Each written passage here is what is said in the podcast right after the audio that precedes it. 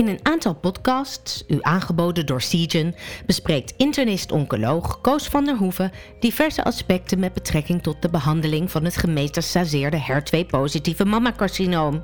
In deze podcast spreekt hij met neuro-oncoloog Tatjana Seute en internist-oncoloog Philippe de Vos, beide werkzaam in het UMC Utrecht, over de ontwikkelingen in de behandeling van hersenmetastase, in het bijzonder die bij het gemetastaseerde HER2-positief mammacarcinoom.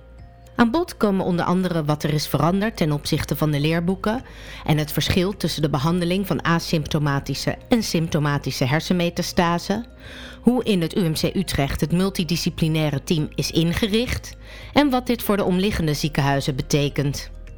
Gaan we, mede ingegeven door nieuwe ontwikkelingen, patiënten screenen? Zijn de neuro-oncoloog en de internist-oncoloog het met elkaar eens? En wat vindt de patiënt er eigenlijk van? Hersenmetastase. Uh, eigenlijk altijd een ernstige aandoening bij mensen die behandeld worden wegens een maligniteit. Uh, er zijn nieuwe ontwikkelingen, er komen nieuwe medicijnen. Een van die nieuwe medicijnen is tucatinib, een middel dat gebruikt kan worden bij patiënten met een HER2-positieve vorm van mammacarcinoom. Ook invloed op hersenmetastase is eigenlijk de aanleiding om hierover te gaan praten. En ik ga dat doen met professor Tatjana Seute. Zij is neuroloog en recent benoemd tot hoogleraar in de neuro-oncologie. Kan je daar misschien nog even toelichten? En dokter Philip de Vos, hij is internist-oncoloog. Beide werken ze in het UMCU. En Philip is ook uh, lid van het bestuur van de Nederlandse werkgroep Neuro-oncologie in Nederland. Schrijft mee aan de richtlijn. En met hen ga ik praten over hersenmetastase. Welkom allemaal. Tatjana, je hebt een belangrijke opdracht gekregen binnen de neuro-oncologie. Wil je daar nog iets over zeggen? Um, ja, kort. Uh, in februari ben ik benoemd tot hoogleraar inderdaad binnen de neuro-oncologie met als doel, uh, de titel van de leersel is samenwerken voor en vooral met patiënten met een neuro-oncologische aandoening. Zowel primaire hersentumoren, uiteraard ook, qua aantal zijn er dat namelijk veel meer patiënten met hersenmetastase. En het is een uh, leerstoel met een bijzondere inhoud in die zin dat we in alles wat we bijvoorbeeld dadelijk gaan bespreken ook telkens weer nadenken. En wat vinden de patiënten er zelf nou eigenlijk van? En hoe kunnen we hen direct, dus niet achteraf, betrekken bij het hele proces? Nou, erg belangrijk. Uh, richtlijnen zijn ook belangrijk. Als je tien jaar geleden in een leerboek ging kijken van de neurologie bij hersenmetastase, dan zag je eigenlijk altijd staan prognose in Faust, probeer dexamethason, indien verbetering bestraling de hete schedel, gemiddelde overleving drie maanden. En is dat anno 2021 nog steeds zo? Ja, uh, inderdaad. Dit stond er tien jaar geleden. En heel eerlijk gezegd, in het algemene leerboek neurologie staat het nog steeds vrij ongenuanceerd. Er staat wel een kleine kanttekening van let op, er zijn nieuwe ontwikkelingen. Um, maar de nuance die we graag zouden willen, of die ik als neuroloog graag zou willen met, hé hey jongens, maar dit klopt helemaal niet meer. er zijn zoveel verschillen um, tussen hersenmetastase van verschillende prim, ja, primaire solide tumoren. Daar kan je niet in zijn algemeenheid een hoofdstukje of een paragraaf over schrijven. Nu is het nog steeds één paragraaf. Staat, uh, Dat is het uh, neurologie-leerboek. Ja. Hoe is het met de richtlijn, Philip? Met de richtlijn is het zo dat wij ons uh, degen ter degen van bewust zijn dat er wel variatie is per tumorsoort, per patiënt, qua conditie, de leeftijd, het aantal tumoren, um, als ook de uh, moleculaire diagnostiek. Dus er is nu tegenwoordig ook een normogram, de gpabrain.com uh, kun je ook naartoe kijken. Daarin staat per tumorsoort ook verschillen waarbij dat de variatie wel groter kan zijn. En we zullen het zo over de borstkanker hebben. Maar daarin bijvoorbeeld heb je de triple-negatieve borstkanker, die een veel slechtere prognose heeft bij hersenmetastasering dan de HER2-neu. Ja, als je het nou, het maakt dus uit uh, waar de hersenmetastase vandaan komen, welke primaire tumor erbij hoort. Zou je een, een, voorbeeld kunnen geven van, van twee dingen aan de verschillende zijden van het spectrum? Dus uh, met goede prognose en met slechte prognose? Ja, nou, um, je, een open doel is natuurlijk bij de longtumoren osimertinib, wat al een, een langer bestaand uh, targeted therapie is. voor de EGFR-gemuteerde tumoren. Uh, crizotinib voor de ALK-gemuteerde tumoren bij de longtumoren. Die, die hebben daardoor veel betere prognoses gekregen.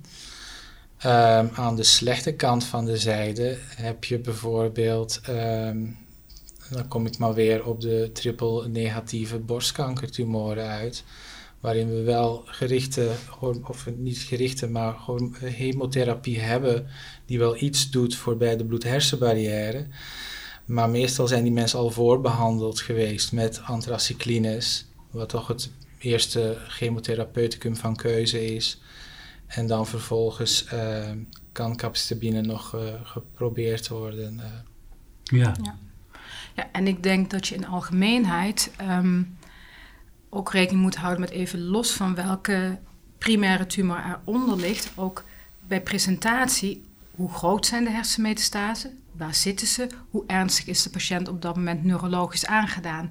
Want dat dus de, de uitgangsconditie, de neurologische conditie, de neurologische ziekte die die patiënt op dat moment heeft, bepaalt ook voor sterke mate zijn prognose. Dus ik bedoel, als iemand binnenkomt met één epileptische aanval, waarvan die helemaal herstelt, is een ander verhaal dat iemand zich presenteert met veel hersenuitdeem, bewustzijnsdaling en een blijvende hemiparalyse.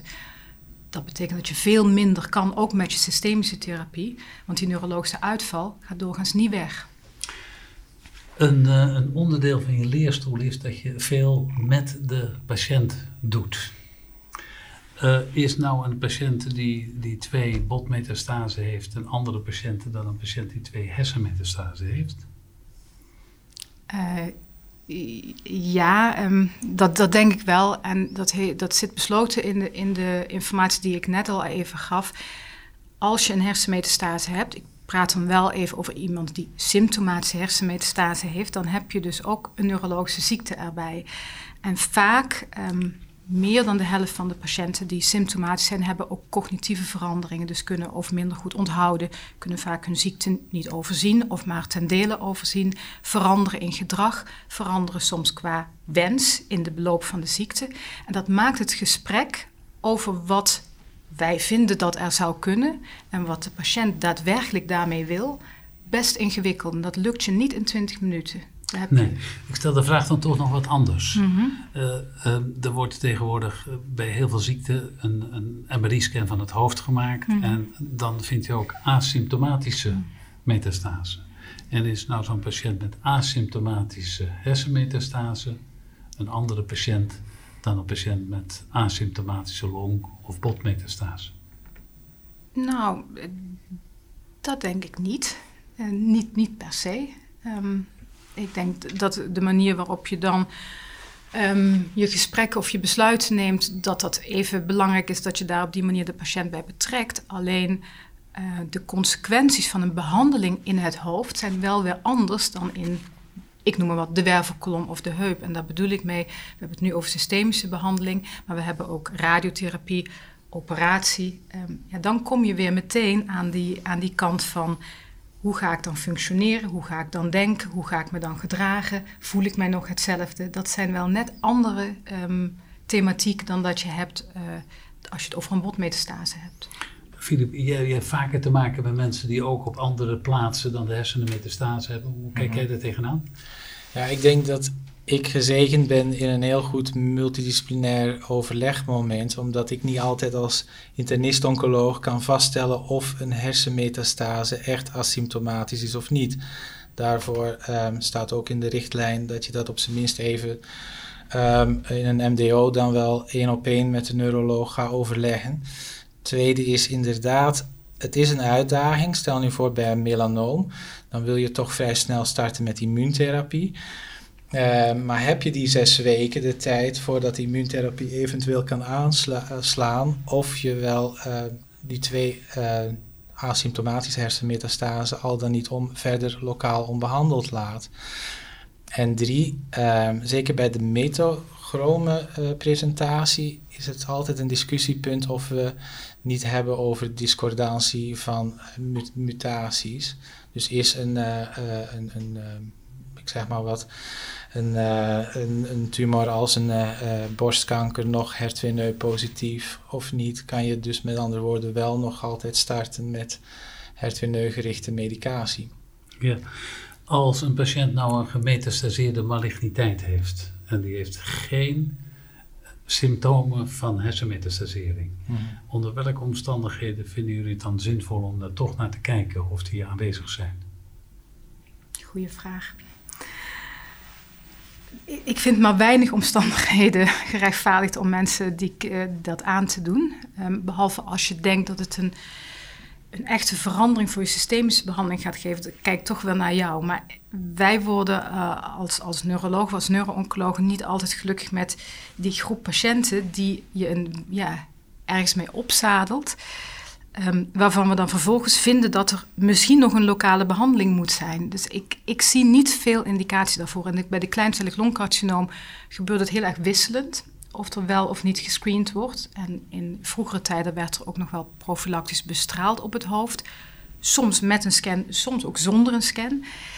Nou, ik, ik vraag me af wat we daar daadwerkelijk mee bereiken.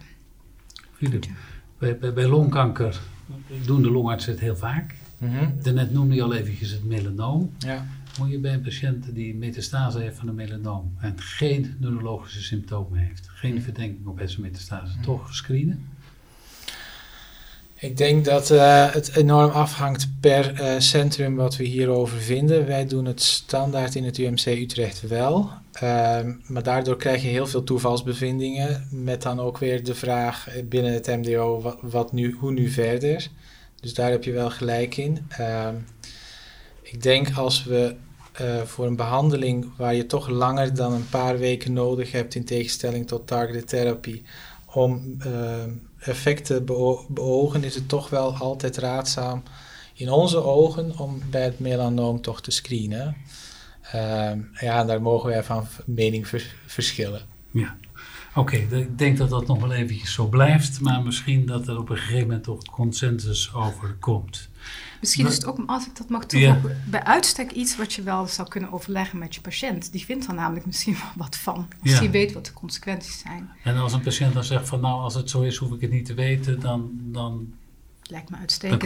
Weet je, het, het lijkt als we een MRI van het brein maken alsof we het dan weten. We hebben heel vaak twijfel. Een vlekje hier, een vlekje daar zou beginnend kunnen zijn. Nog een scan, nog een vervolg, onzekerheid. Ehm, ja, Je ziet ook de keerzijde, de onzekerheid de die je introduceert en niet weten wat je met de bevindingen Ja. moet doen. ik denk dat we ons altijd moeten afvragen... wat gaat er uiteindelijk voor de patiënt daarin veranderen? En heeft hij daardoor een betere tijd? Jullie komen allebei eh, eh, aan het einde van de dag van een eh, multidisciplinaire poli en van een MDO vandaan. Wie zijn er nou normaliter eh, betrokken? Wie zouden er betrokken moeten zijn de besluitvorming voor de patiënt met symptomatische hersenmetastase? Tatjana, jij mag eerst. Ja, ehm, de hoofdbehandelaar. ehm, en dat is bij hersenmetastase. Kan dus heel divers zijn, van de longarts tot de internist-oncoloog, eh, tot de gynaecoloog. Ehm, maar goed, als we de, de top drie, hè, long, melanoom, borstkanker, dan zit je in longarts en internist-oncologen. Dus die moeten betrokken zijn. Daarnaast, in mijn opinie, ook een neuroloog met aandachtsgebied oncologie. Ehm, juist omdat je dus inschatting moet maken als je dit plaatje ziet, want we zien dit veelal op papier, wat betekent dat dan voor een patiënt? Kan je inschatten wanneer deze patiënt er wel of niet last van gaat krijgen? Wat betekent het als je daarop gaat bestralen? Wat als er radionecrose ontstaat? En al dat soort overwegingen maak je dan als neuroloog. Een neurochirurg, want ook resectie, dat, als je het over tien jaar geleden hebt, werd dat zelden gedaan. Nou, als er in Nederland 50 operaties jaarlijks gebeurden voor hersenmetastase, was het veel. Nu doen we hier al meer dan 50 operaties per jaar voor hersenmetastase. Radiotherapeut, oncoloog met aandachtsgebied eh neuro-oncologie, want ook daarin ja, is, een, is een specifieke kennis vereist.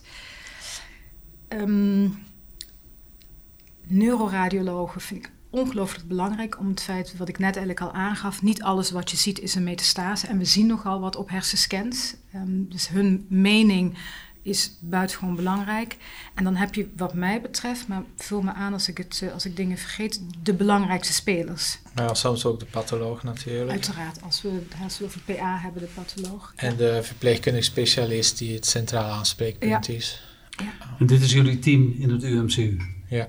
Jullie hebben iedere week zo'n bespreking. Mhm. Hoe gaat dat voor de omliggende ziekenhuizen? die haken in?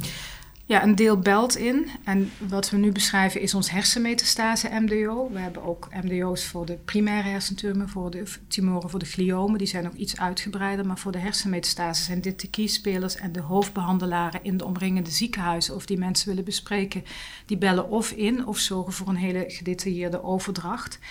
Um, en het liefst vinden we het natuurlijk fijn als ze per video meekijken naar de scans en naar het overleg en meepraten. Maar jullie hebben het zo ingericht dat de ziekenhuizen rondom het UMCU een slot kunnen krijgen om hun patiënten te presenteren. Ja, en De, de, ziekenhuizen met wie dat nog niet lukt, ja, dan ligt het meer aan de kant van het andere ziekenhuis dat het nog niet, technisch nog niet kan. Maar...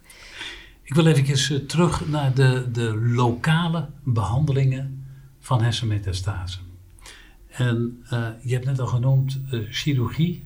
Dat, dat werd tien jaar geleden helemaal overgeslagen. Kan je uh, heel globaal zeggen wat nou de indicaties voor chirurgie kunnen zijn? Ja. Bij hersenmetastase. Nou, een aantal dingen. Um, een indicatie kan zijn een, als je verwacht dat als de tumor groter wordt of iets meer uitbreidt, dat je veel pathologie, veel neuropathologie krijgt. Daar bedoel ik mee veel neurologische uitval. Of als de hersenmetastase al veel druk uitoefent op het gezonde weefsel en je denkt, als we hem weghalen, heeft die patiënt een kans om neurologisch op te knappen en zijn performance score dus ook hoger te worden en in aanmerking te komen voor bijvoorbeeld systeemtherapie. Um, een andere indicatie kan zijn dat de tumor duwt op de ventrikels, op de hersenkamers, hè, waardoor je een hydrocephalus krijgt. En daarbij zijn wel weer allemaal randvoorwaarden. Dat doen we of doen de neurochirurgen uit ons team in overleg met ons natuurlijk alleen als het aantal metastasen beperkt is.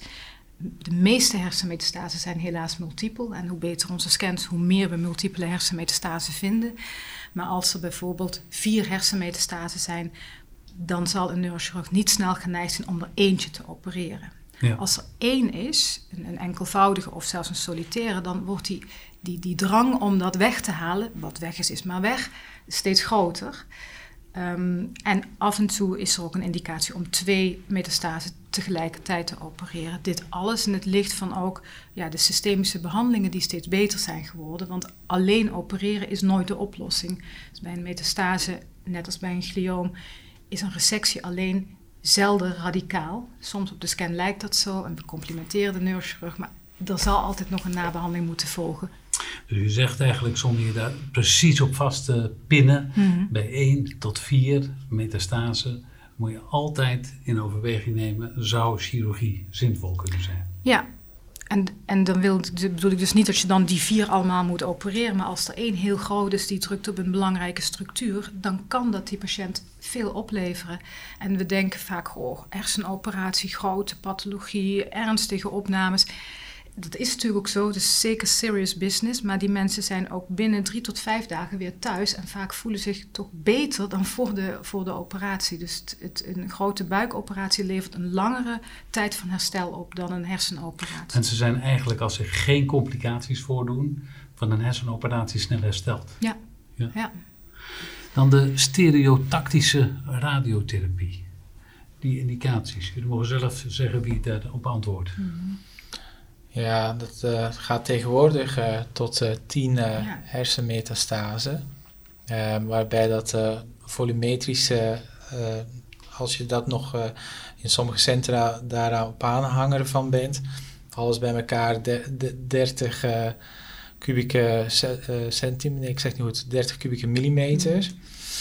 Mm. dat is dan ook een beetje de afkapwaarde en daar kan soms wel bediscussieerd van afgeweken worden. Soms in ons eigen centrum hebben we ook uh, gevallen dat we bij 4 centimeter ook nog durven uh, stereotactisch bestralen. Het gaat om de grootte van de tumor. Ja. Grootte en de aantallen. En de aantallen. Nou, um, hebben we ook het gamma-nijf in Nederland. Is het, is het mogelijk om in één of twee zinnen uit te leggen wat het verschil is tussen het gamma-nijf en stereotactische radiotherapie? Um, ja, ga ik een beetje ook op glad ijs, omdat het uh, concurrerende technieken zijn. Voor de patiënt maakt het um, uh, uit. Het Gamma Knife is in die zin patiëntvriendelijker. Alles kan op één dag. Voorbereiding, bestraling en dan ben je klaar. Um, er zitten ook beperkingen aan de Gamma Knife. En stereotactische bestraling is dus een, ja, een, andere techniek waarbij de voorbereiding losgekoppeld wordt van, het bestraling, eh, van de bestraling zelf. Qua opbrengst, dus qua effectiviteit, is er, ik ben geen radiotherapeut, maar is er geen verschil. Hm.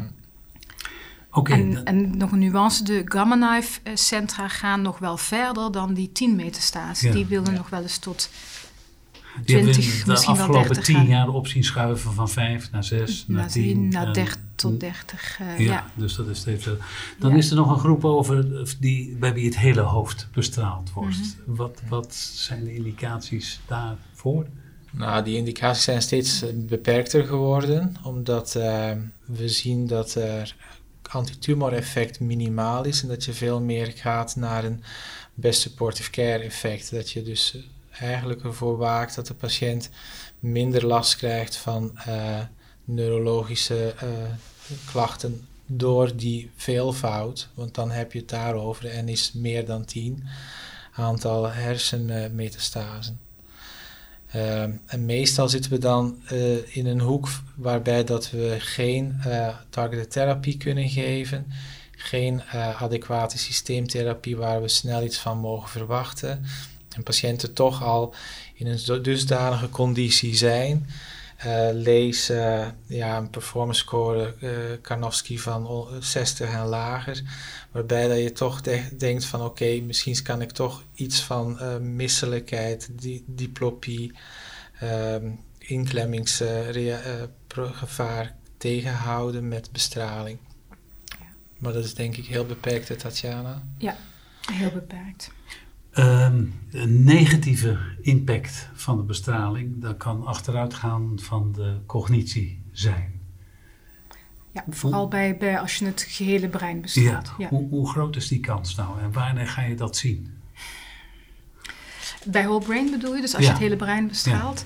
Dat is vooral afhankelijk van de uitgangssituaties. Als iemand al cognitieve klachten heeft of een slecht geheugen, um, dan wordt het sowieso niet beter. Het, je, ik durf wel te zeggen dat je 100% kans hebt dat je concentratie en geheugen achteruit gaat. Welke mate is natuurlijk heel flexibel. We weten patiënten ouder dan 60, misschien wel 70, dat is altijd lastig te zeggen uit oude studies vanuit de hersenlymfomen, gaat tot 80% ernstige cognitieve verschijnselen. Alleen uit de oude studies, hè, laten we eerlijk zijn, mensen komen daar vaak helemaal niet aan toe, omdat de overleving niet langer dan drie tot zes maanden is. Ehm, maar ik durf wel te zeggen um, dat de achteruitgang van het cognitief functioneren 100% is. Je wordt er zeker niet sneller van of beter van. En, en hoe, hoe, snel gaat dat optreden? Dus hoe snel zie je na de bestraling dat die cognitie achteruitgang begint. Is dat al, al direct tijdens de bestraling of na een half jaar of na een jaar? Ja, dat zijn twee fases, de, de acute um, encefalopathieën. Um, en ik denk dat dat voor een deel ook gewoon te maken heeft met vermoeidheidsklachten. Dat die whole brain maakt mensen moe, je moet wat vaker komen. Um, en de latere toxiciteit zie je eigenlijk pas na een half jaar, maar een deel van de mensen komt daar natuurlijk niet aan toe. Dus als de prognose maar een half jaar of korter is, dan zou je gemakkelijker die stap van de whole brain radiotherapie nemen.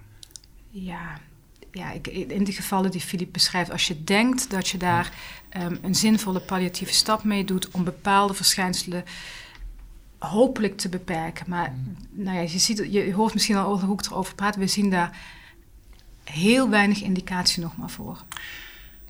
Ik ga een uh, stapje opzij maken. Uh, de, de, mensen met hersenmetastase hebben vaak ook metastase elders in het lichaam. En die behandelen we altijd met targeted therapie, of met hormoontherapie, of met chemotherapie.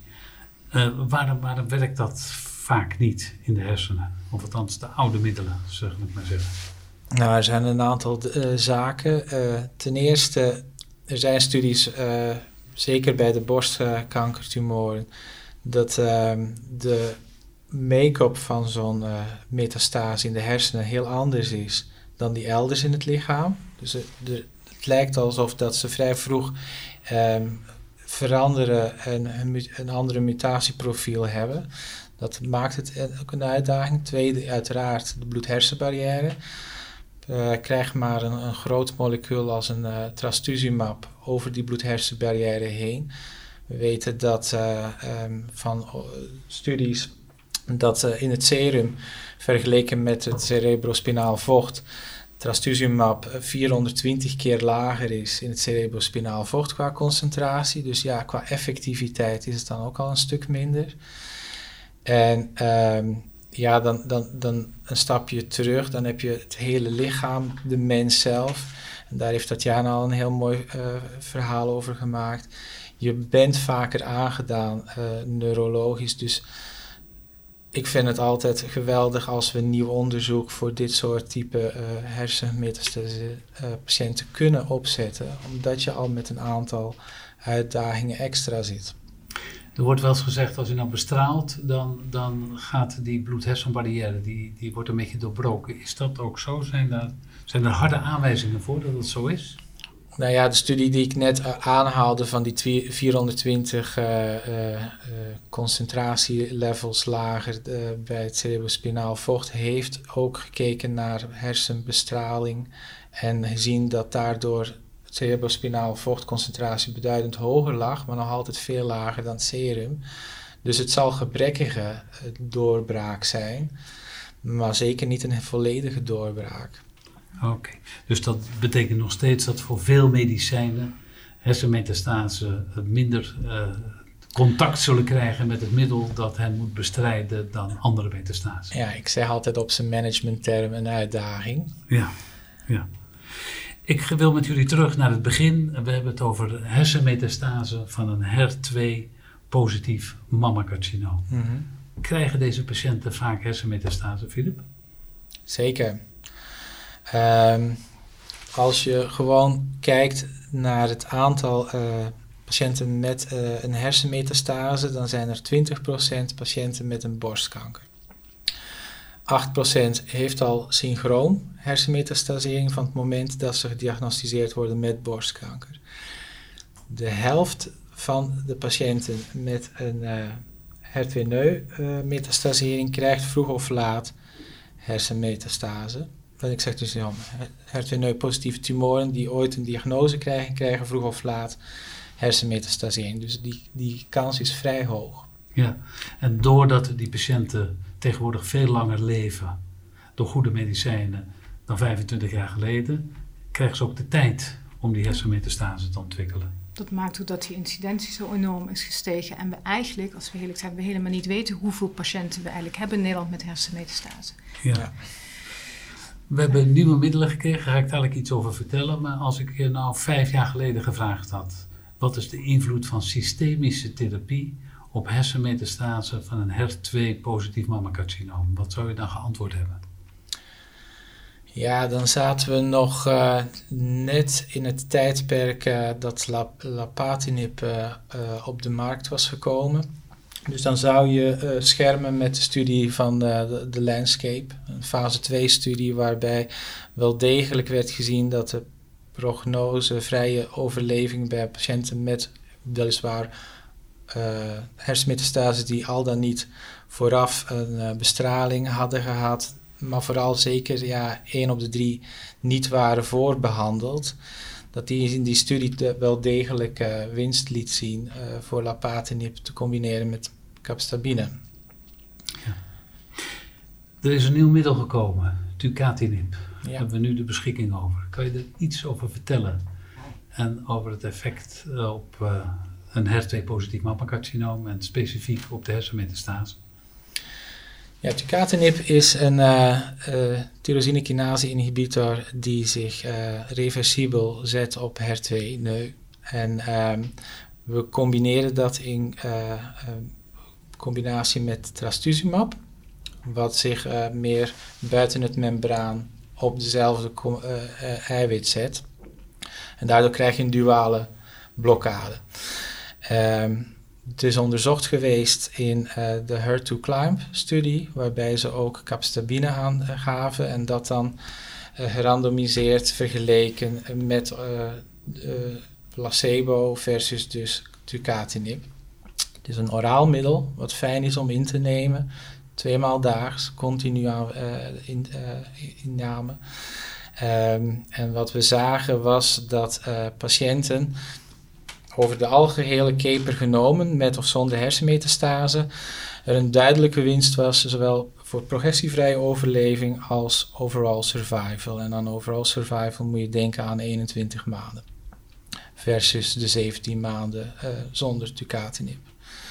Zoom je dan in, ga je dan echt kijken naar de uh, hersenmetastase patiënten, dan zie je dat er uh, qua progressievrije overleving van één jaar uh, de patiënten met tucatinib 30% kans hebben om één jaar progressievrije overleving uh, te halen versus nog geen 10% bij patiënten zonder uh, tucatinib in de placebo-arm. Bij overall survival voor twee jaar zie je dat die winst ook substantieel is. Is het 40% van de patiënten met tucatinib versus 20% procent, van de patiënten met een placebo-arm behandeling. Ze hebben uh, uitvoerig ook gekeken in supergroepanalyses naar uh, hersenmetastasen die stabiel waren, waar geen uh, symptomatologie waren, versus de meer actievere groep van hersenmetastasen met klachten. En daarin zagen ze in beide groepen winst. Voor zowel voor progressievrije overleving als overall survival. Um, en dat is ook hier weer substantieel.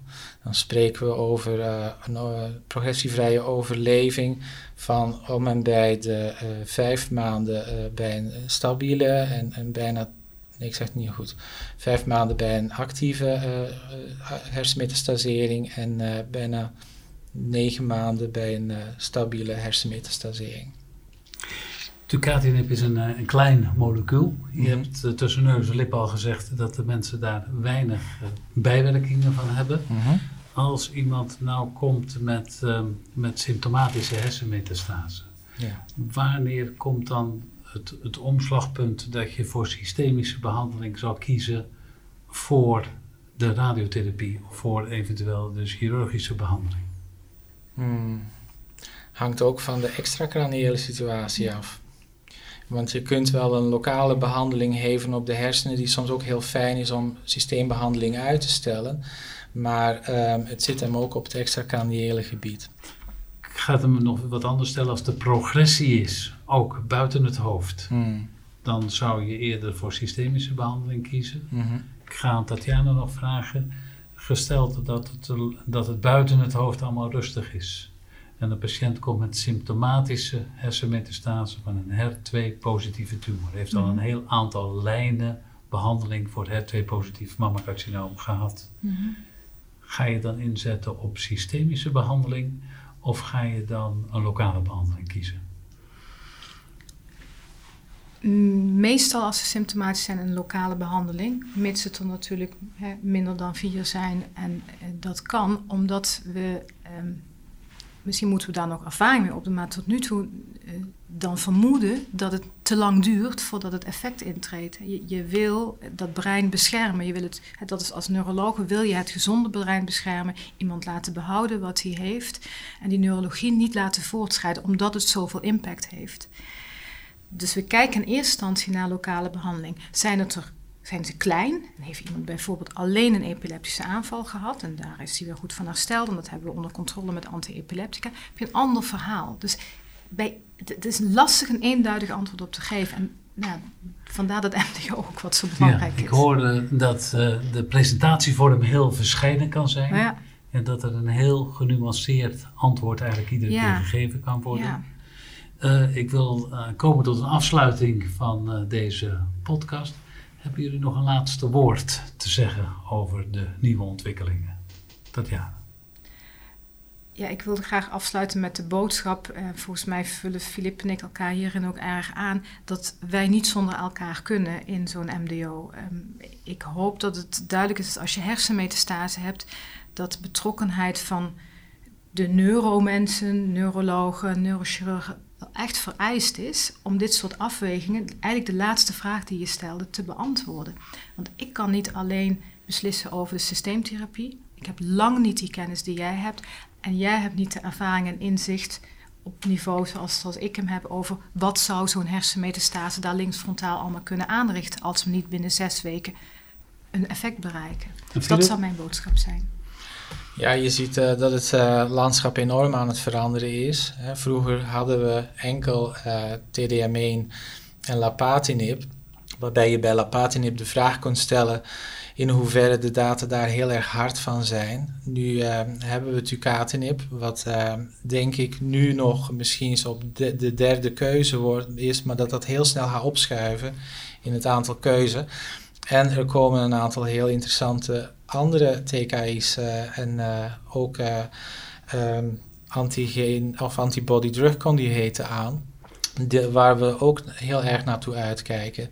En het zal dus constant schuiven zijn, ehm, niet alleen om te zien wat een patiënt ehm, uiteindelijk verdient, maar ook wat een patiënt geïndiceerd is aan te kunnen. En dat gaan we denk ik alleen maar in een MDO kunnen fijnstijlen. Oké, hartelijk dank voor uh, jullie inbreng en toch een iets beter perspectief voor de patiënten met een HER2-positief mammacarcinoom. En er komt nog veel meer aan. Dank jullie Zeker. wel. Wilt u meer podcasts beluisteren die ingaan op het HER2-positieve gemetastaseerde mammacarcinoom? U vindt ze op de CGen-ruimte van het podcastkanaal van Oncologie.nu.